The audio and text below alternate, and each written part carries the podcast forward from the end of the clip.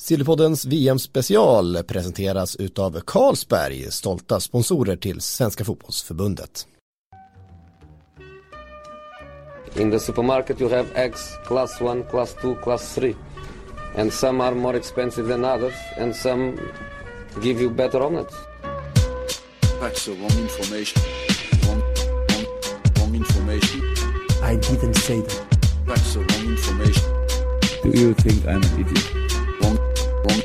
Wrong, information. Now look at me when I talk to you. Your job is to tell the truth. That's the wrong information. Wrong, wrong information. Då var vi tillbaka, Sportbladet-gänget, på plats i eh, Lyon. Ja, var är vi? Vi fick fundera lite Ja, nu där. fick jag eh, liten blackout under två sekunder, men vi är i Lyon. Och sen så tänkte jag dessutom att var vi i Lyon förra gången vi spelade in? Men det var vi ju inte, då var vi i Rennes. Eh, men nu är det alltså eh, Lyon. Eh, spelarhotellet sitter vi på faktiskt, men de har lämnat så att det är okej att sitta här och, och podda. Det är dagen efter semifinalmötet med Holland som ju inte gick som vi hade hoppats på.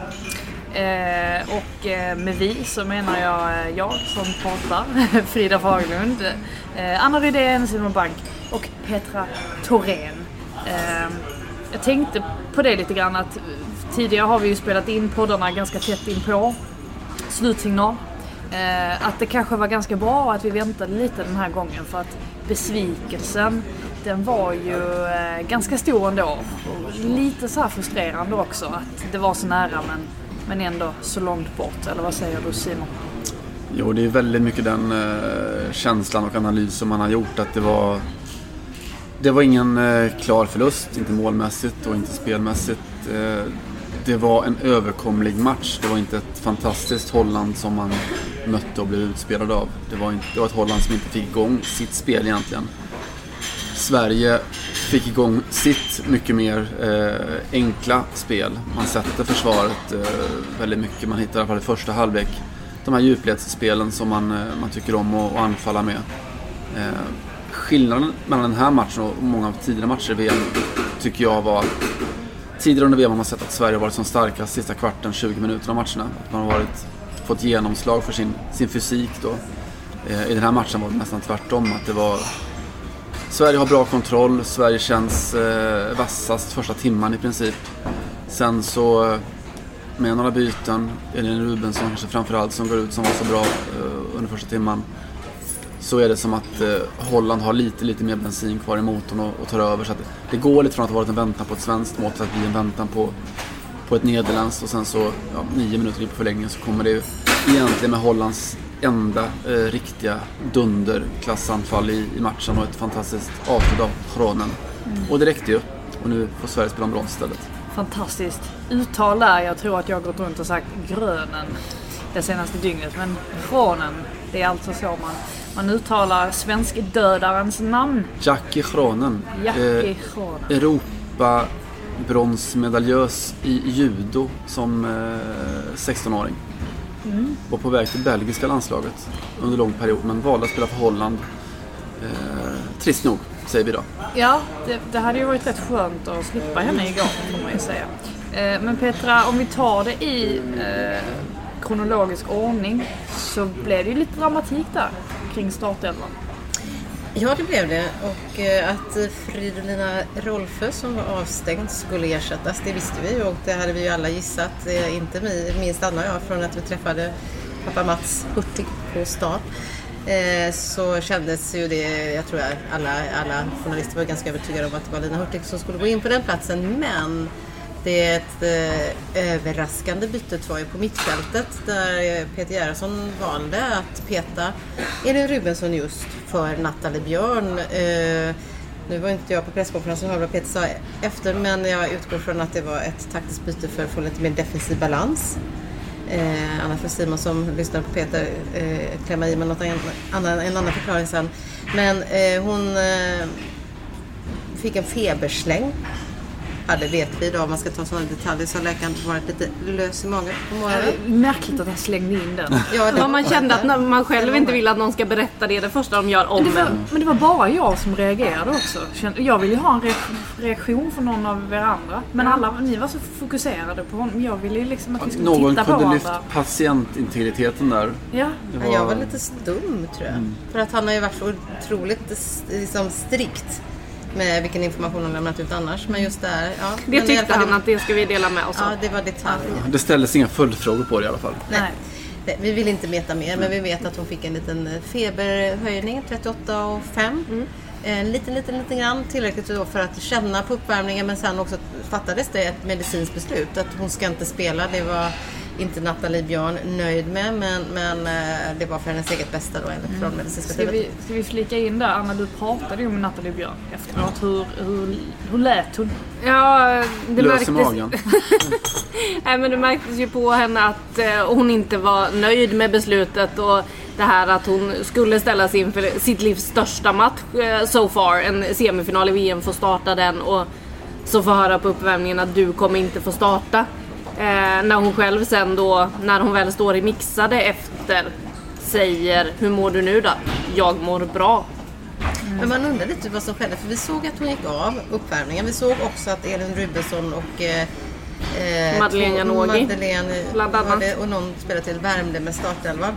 Men gick de av och tempa henne då? Typ som man gör på barn. Så här, du får inte gå till skolan, nej, du får stanna hemma. Alltså, bara rent så. Det hade ju varit intressant. För någonstans måste de ändå tagit en, inte bara gått på hennes känsla om hon nu säger att det är bra. Med tanke på hur bra koll de har på de här spelarna så är det ju inte jätteförvånande. Han använder ju till och med ordet, det, det har jag aldrig skrivit i en textsida, vi, vi monitorerade henne. Alltså att de följde henne från morgonen till liksom ut på arenan för att de, de visste om att det var någonting kanske som inte stämde. Eh, Det visar ju också vilken superkoll de har på de här. Det är nästan lite så här, det är lite o- obehagligt då. Alltså det är bra, jag förstår ju grejen och att man får ut väldigt mycket av det. Eh, samtidigt så, eh, ja, lite läskigt ändå hur bra koll de har.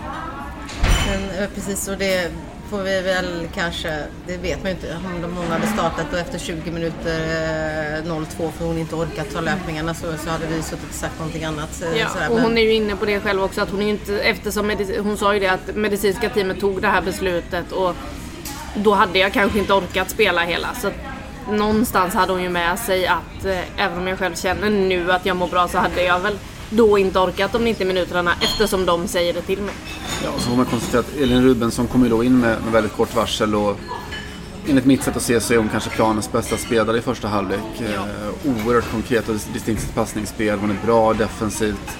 Eh, hon gör det här som man eh, vill att hon ska göra, att hon följer med anfallen, trycker upp i andra vågslöpningar och så. så det var inte så att man tappade någonting som man kunde se, i alla fall under första timman då med, med Rubensson på planen. Sen mattas hon ju av också då. Har också haft sin skadeproblematik under mästerskapet. Och, och byts ut. Eh, och egentligen känns det som att det då någonstans, det behöver inte vara en, en eh, vad säger man på latinet Petra, en post hoc ergo propter hoc. Alltså efter det det, efter det, alltså beroende av det, eh, att det var därför som de tappade matchen. Men det var i alla fall så att lite där någonstans så känns det som att Sverige mattas, att Holland får ett, ett tryck på, på Sverige. Det man skulle kunna säga är ändå med, med, med lite facit i hand. eh, För jag tycker också att Elin var jättebra och jag tror faktiskt att det var lite så här bra för henne för att inte känna sig given utan även nu måste jag nog in och bevisa att jag skulle haft den här platsen från start. Men det man tappar är ju att man tappar ju kanske en ersättare. Hade Nathalie Björn gått in eh, och gjort det helt okej så hade man kunnat sätta in Elin från 75 minuter och framåt och haft en kanske ännu bättre eller lika bra spelare. Nu hade man ju faktiskt inte riktigt det utan nu blev det ju eh, Julia Sigiotti Olme som kom in men, men eh, hon tycker inte jag riktigt håller den nivån och liksom klarar det defensiva arbetet. Även om hon springer och gör en sån insats på det sättet så, så på så sätt så tappar man ju ändå en dimension eh, oavsett vem som hade startat utav de här två tycker jag. Vi efterlyste ju nästan att, och tyckte det var märkligt att Julia Ruddar kanske inte fick chansen istället för Sigiotti Olme. För det kändes ju som att där tappar de ju mittfältet totalt. De hade ju, alltså Rubensson och Seger, det får man ju säga, de, de slet extremt mycket eh, under den första halvleken också. Men det kändes som att de hade betydligt bättre kontroll än vad vi hade sen sista, sista perioden och inte minst då i förlängningen också. Det är intressant för Roddar är ju en spelare som roddar. Nu säger jag Roddar på min roddar. Jag sa Huddar, vad Ja, gjorde det sa jag, men jag råkar säga Rodda lite göteborgska. Mm, vad ni vet. Rodda. Eh, är ju en spelare som inte har fått spela någonting i, mästerskapet hittills men, men är just den här fysiskt starka, löpande, energiska spelaren som, som okej, hon har inte gjort det innan men hade nog kommit kunna tillföra just den formen utav balanserande egenskaper som hade behövts för att liksom fortsätta om det stängt på mitten. Så att, eh, det tycker jag var lite tråkigt och det kändes också som att Lina Hurtig som också gick ut i samma veva då också hade liksom förmågan att defensivt stänga eh, på sitt håll, på sin kant. Men att Madde inte, eh, som kom in inte alls eh, lyckades med det. Så egentligen byter, balanserar man ju om laget. Och det kanske var för att gå för stegen. Men eh, man tappade ju också... Ja, det var ju lite min tanke. Alltså när Janogy kommer in, då känns det ju som att alltså när hon, varje gång hon kommer in så, så är det lite, nu är det Janogy time. Alltså nu ska man vinna matchen. Tycker kanske i efterhand att det är lite märkligt tänk ändå. Jag, jag tror lite så här också, om man ska göra sin matchbildsanalys så, så eh, jag håller helt med om att eh, Rubensson och Seger gör en jättebra match defensivt. Eh, det de inte gör, framförallt Seger som har alldeles för många bolltapp och som har, är direkt svag i sitt passningsspel. Vilket leder till att Sverige kan inte liksom starta sin anfall bakifrån. De kan inte spela upp genom mittfältet så mycket. Vilket i sin tur gör att vad har man kvar då? Ja, då är det kvar den lite längre bollen som man får väldigt dåligt betalt för. Eh, vilket också gör, eftersom anfallen börjar så pass mycket djupare ner, då är det ingen matchbild för Janogy. Janogy är en sån som man vill ha i sista tredjedel. Man vill ha henne, ge henne bollen en bit utanför straffområdet och så tar det därifrån. Där är hon som bäst. Liksom. Där kan du få eh, ja, det här som ni pratar om, att eh, Janogy time, att det är en dribbling, eh, en fint och sen ett skott. Nu så var det en löpduell, en utmaning, en dribbling, tre spelare kvar, hitta en passning och allt det där. Och det blev för långt, det var för långt. För stor uppgift för henne. Mm. Nej men ja, eh, absolut. Ehm, sen har vi ju en spelare också som eh, har varit lite en vattendelare. Jag är, jag är helt i chock eh, över att ehm, jag, jag twittrade ju ut eh, under matchen att jag tyckte att Kosovare Asllani var en gigant ute på planen igår. Och får en del mothugg. Vilket i min värld är totalt obegripligt. För jag tycker att det hon gör där ute det är Alltså, det är den typen av jobb som man inte förväntar sig att en spelare som Kosovare Asllani som är väldigt, eh, väldigt mycket individuellt skicklig men, men väldigt solo på många sätt. Eh, att hon ändå gör det här grovjobbet för hon täckte ju ytor. Alltså det var, hon var på högerkanten, hon var på vänsterkanten, hon pressade, hon var nere djupt och, och, och st- stöttade upp. Hon, hon var ju överallt på planen. Det kan det, men det håller vi väl med? Ja, jag tror att den, den skiljelinjen går väldigt mycket kanske mellan de som ser matchen på TV och de som ser den, eh, ser den live. För just det arbetet som du pratar om, alltså att täcka upp ytor, att, eh, eh, att vara där och stänga passningsvägar och allt det där. Den ser man inte när man ser matchen på TV på samma sätt. Jag håller med helt och hållet. Och det var ju lite sådär egentligen under slutspelet som den, den eh, Kosovare Asllani har synts. Eh, och jag tycker att det talar så oerhört mycket till hennes heder att hon hon har den insikten, den förståelsen av vad Sverige måste göra. Att eh, hon kommer inte se som snyggast ut om hon eh, lägger ner 90% av sin energi på att försvara, att gå upp i som nickdueller som hon vinner så mycket. Eh, och lägger ner hela, hela det arbetet. Men det är det som krävs för att laget ska gå bra. Eh, att sätta sig i lagets tjänst på den sättet. Och sen just den här matchen tycker jag är he- helhet kanske hennes bästa match. För att hon, hon lägger 90% i det arbetet. Men de tio övriga kreativa, konstruktiva procenten fanns också. Visst leder det inte till mål, leder inte till några öppnande passningar här så mycket men hon är vårdad, hon är smart, hon är teknisk, hon utmanar och, och allt det där. Jag, jag håller med dig helt och hållet för jag tycker att hon är Alltså sett över 90 minuter så är hon en absolut, absolut bästa spelaren. Och det var- jäklar vad stryk hon fick i den här matchen.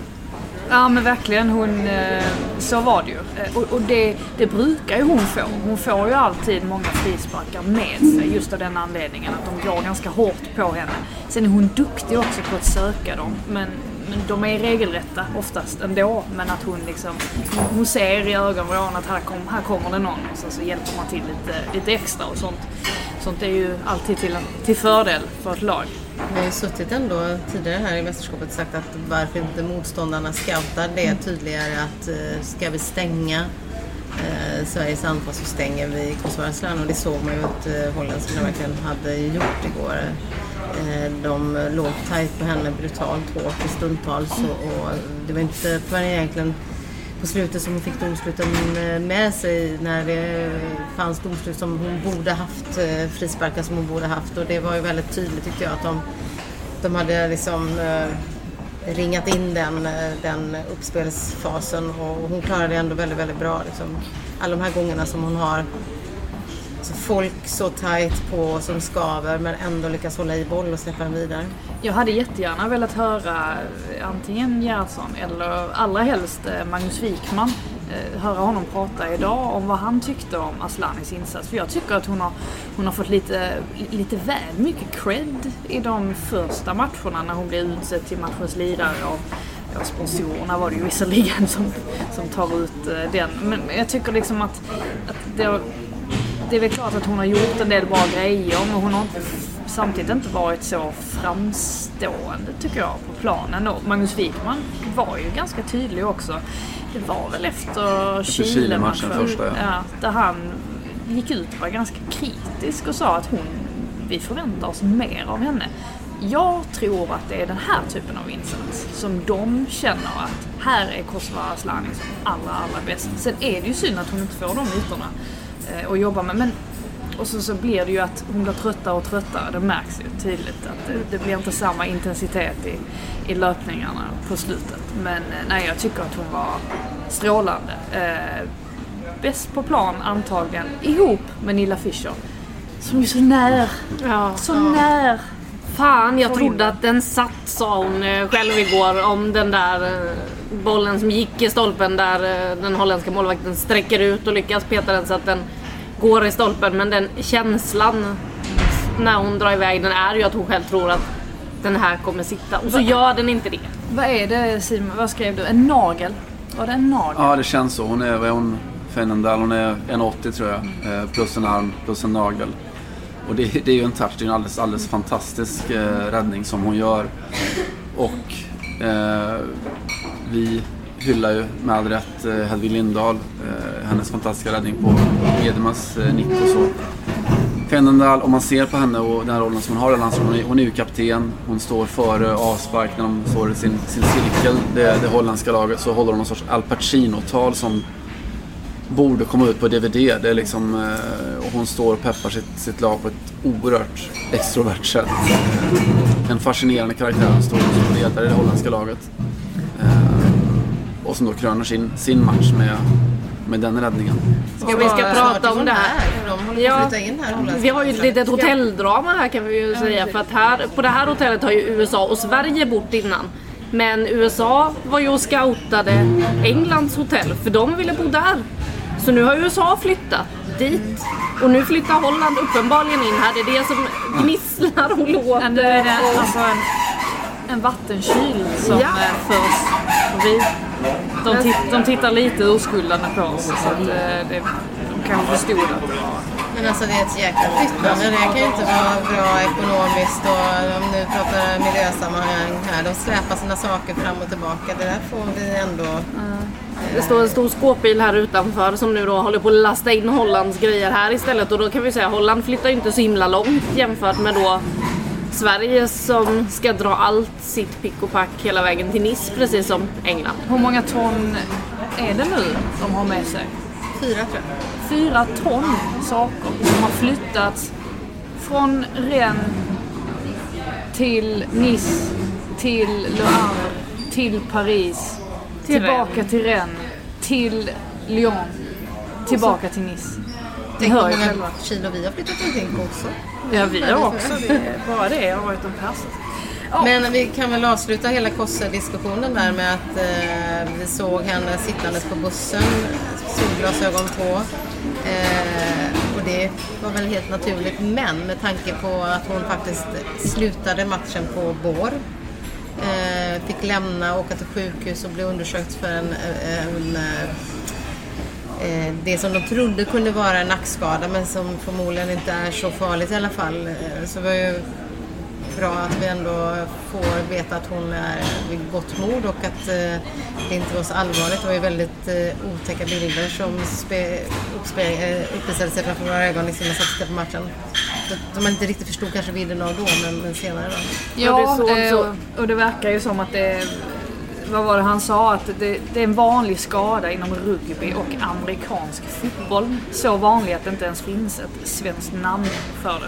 eh, Och att hon, hon då kanske inte riktigt är byggd för en sån skada jämfört med hur en rugbyspelare och en amerikansk fotbollsspelare ser ut. Så ser ju inte riktigt Kosovare Asllani ut. Eh, Ja, om man ser till hennes kroppsbyggnad. Men jag tycker det var fint för Simon och jag kom precis ut från arenan igår när den svenska bussen lämnade efter förlusten och då såg det så himla tomt ut på platsen där längst fram jämte Sofia Jakobsson. Det var ett litet hål där där Kosse skulle ha suttit men då åkte till sjukhus. Så det var fint att se henne sitta där nu med solglasögonen nere och i alla fall på väg mot Nice så får vi väl se om hon kan spela eller inte. Vill vi säga någonting mer om Holland eller vill vi blicka framåt mot den sista matchen?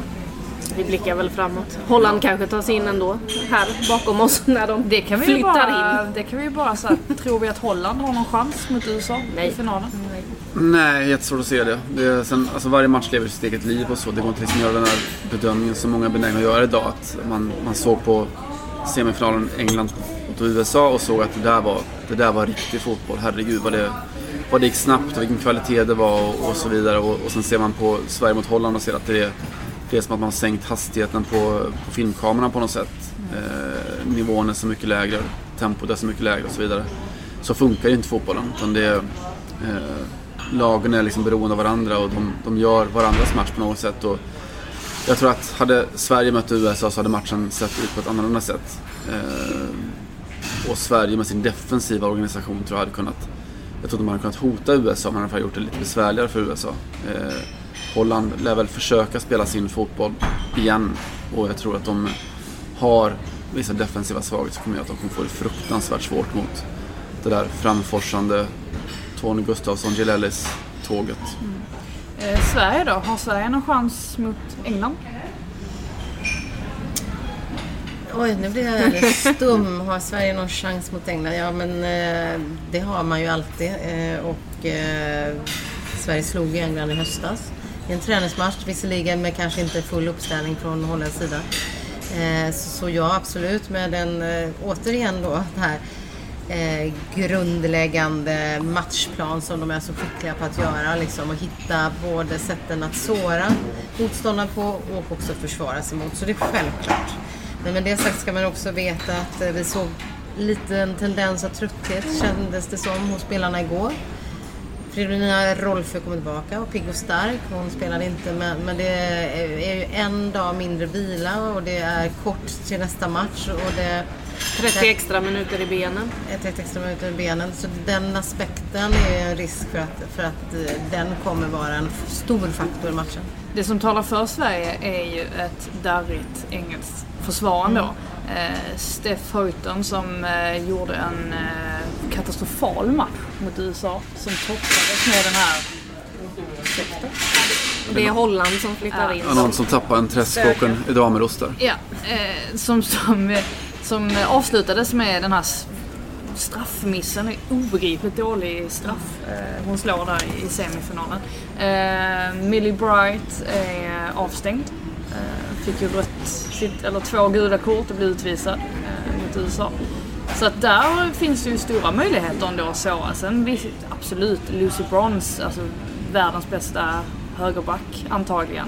Samtidigt så är hon väldigt offensiv, lämnar väldigt stora ytor bakom sig. Så att det tycker jag inte skrämmer sådär väldigt mycket. Men däremot Ellen White. hur ska man stoppa en striker som är så glödhet? Hon är nog sugen på, hon vet ju om att hon är med där uppe i skytteligan också. Hon är nog sugen på, för, på att få med sig någonting från den här turneringen. Hon är fascinerande att titta på. Eh, ni får göra det ni som kikar på TV också. Titta på henne. Om man tänker bort allting runt omkring och bara ser hennes rörelsemönster, hennes sätt att springa på, hennes sätt att avsluta, hennes sätt att möta. Eh, hon är ju Harry Kane. Det finns, alltså även hur hon ser ut rent visuellt, hennes, hennes Ja, ansiktshåll. det finns något där. Hon är så oerhört lik Harry Kane eh, och är en hundraprocentig avslutare som vi knappt sett i damfotbollen. Så oerhört naturlig i allting hon gör och sin positionering och, och touchen på bollen in i straffområdet. Det, det kommer bli tufft. Jag är inne på det som du, du berör lite Frida, att jag tror att matchen kommer i mångt och mycket avgöras på det som är Englands högerkant. Eh, kan Sverige överleva där defensivt eh, så kommer de alls säkert skicka ut Stina Blackstenius på löpningar in bakom Lucy brons som ju sticker framåt gärna. Och sen tar det därifrån. Eh, där, tror jag, där tror jag matchen finns. Där tror jag slaget kommer att stå. Sen kan man ju kanske dra nytta också av den här engelska förmätenheten som ändå finns. Alltså de, de har ju en förmåga av att ha en viss övertro på sig själva. Och efter den här USA-matchen där de vinner ganska knappt, eller förlorar förlåt, ganska knappt ändå. Så tror jag nog att de kliver in i den här matchen och tror liksom att det ska bli ganska enkelt. Och det kan straffa sig. Ja. Det finns nog en form av lite övermod eh, där och framförallt efter det de såg igår så är ju känslan att eh, de tror att det här är en ganska lätt uppgift för dem och nu ska, nu ska i alla fall om inte guldet ska hem så, så ska bronset hem och eh, Sverige har tror jag, en annan trygghet i sitt lag har inte den pressen på sig som som, som Lucy Bronze tror jag. Man tyckte, jag tyckte man såg lite det mot USA riktigt. Att inte, hon kom inte upp i nivå och så som hon gjorde. Vilken match var det vi såg där innan? Oj. Norge. Norge. Där, där just den här högerkanten med henne och Nikita Paris var så fantastisk. För det fanns alla varianter. Det finns kom- kombinationer med både speed på djupet och eh, kombinationsspelet in.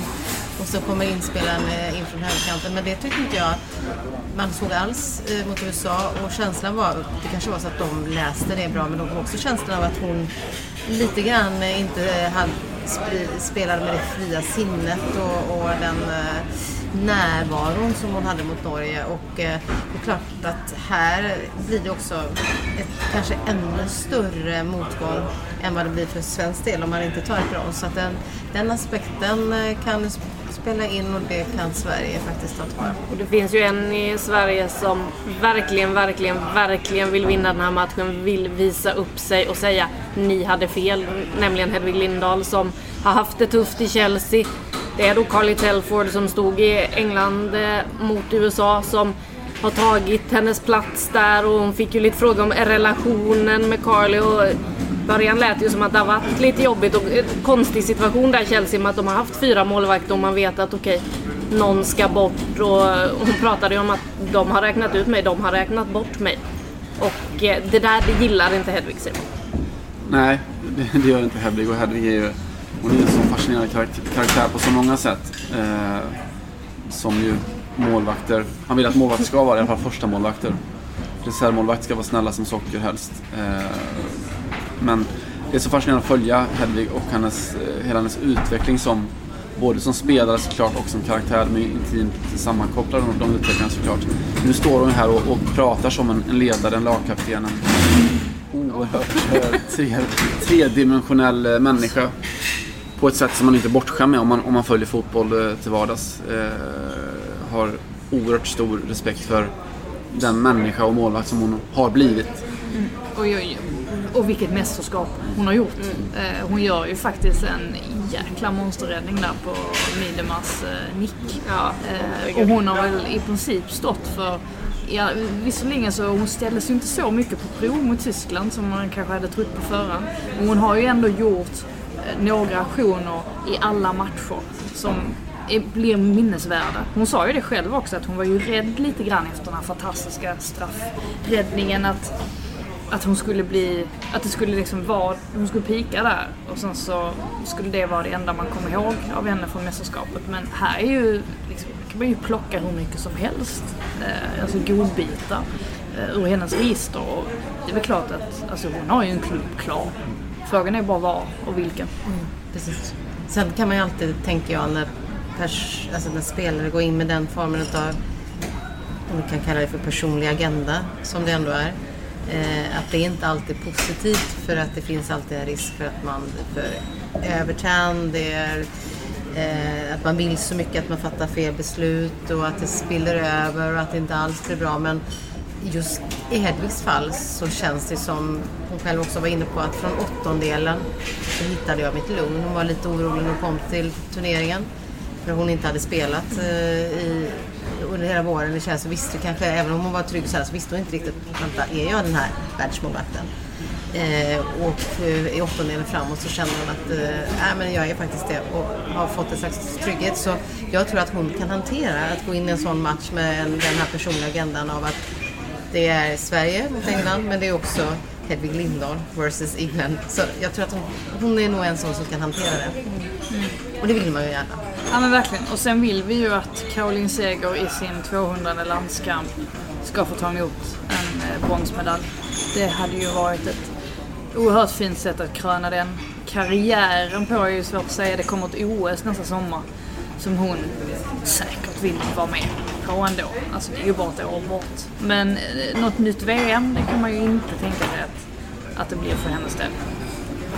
Men Hon är, ja, Nej, nej, men du var ju, eh, Caroline har väl varit inne på det själv, liksom, att eh, det var knappt att hon kanske hade fortsatt hade det inte blivit OS så hade hon, inte, hade hon ju slutat i landslaget. Så Caroline är ju en sån. Hedvig vet inte riktigt. Hon är sugen. ja lite, lite små, Möjligen småsugen är hon. åldern tar henne. Ja, jag kan tänka mig alltså, som, som spelare, man är med och upplever det här VMet, dels Sveriges prestation, men också hela VMet som, som arrangemang.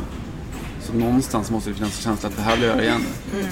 Sen så vet jag att det där kommer en prislapp och det är tufft och det är, det är ett liv att få ihop. Och har man fyllt eh, 34, 35, 36 så, så börjar det såklart bli allt jobbigare. Med Caroline Seger så har det dessutom varit så att det har funnits frågetecken för henne. Liksom, är hon, visst, man vet att hon, hon är så klok, hon är så, så smart i sitt spel men, men det har funnits tendenser de senaste åren att blir det lite för trångt, lite för snabbt så, så har hon svårt att vara den Caroline Seger som hon måste vara. Under VM så har hon ju i princip varje match fram tills igår varit den man hoppas och vill och tror att hon ska vara. Eh, den gamla Caroline Seger, inte den gamle Caroline Seger. Eh, igår så var det att hon hade lite problem med sitt, sitt passningsspel, lite för mycket onödiga bolltapp. Även om hon fortfarande defensivt gör en, en toppinsats. Så, eh, jag kan tänka mig att tiden har börjat gnaga lite på henne. Jag har svårt att se i Segers fall, även om hon skulle vilja, att om, om fyra år, då är svensk fotboll lite illa ute om det inte finns bättre alternativ Caroline Seger om fyra år. Eh, det holländska laget börjar ju spåra ur totalt här bakom. Så jag tänker att vi kanske ska avrunda innan eh, eh, ljudet blir för outhärdligt att eh, lyssna på. Eh, men vi, har- vi har ju redan packat våra väskor för att vi ska ju Ja. dra till Nice nu, igen. Det trodde man inte förra gången man var i Nice. Men så är det. Eh, så får vi se hur det går på lördag helt enkelt. Och med det så säger vi eh, tack och adjö till Nu eh, till och med Lyon. de små orangea lejonen in här så nu tycker jag faktiskt att vi ger oss iväg.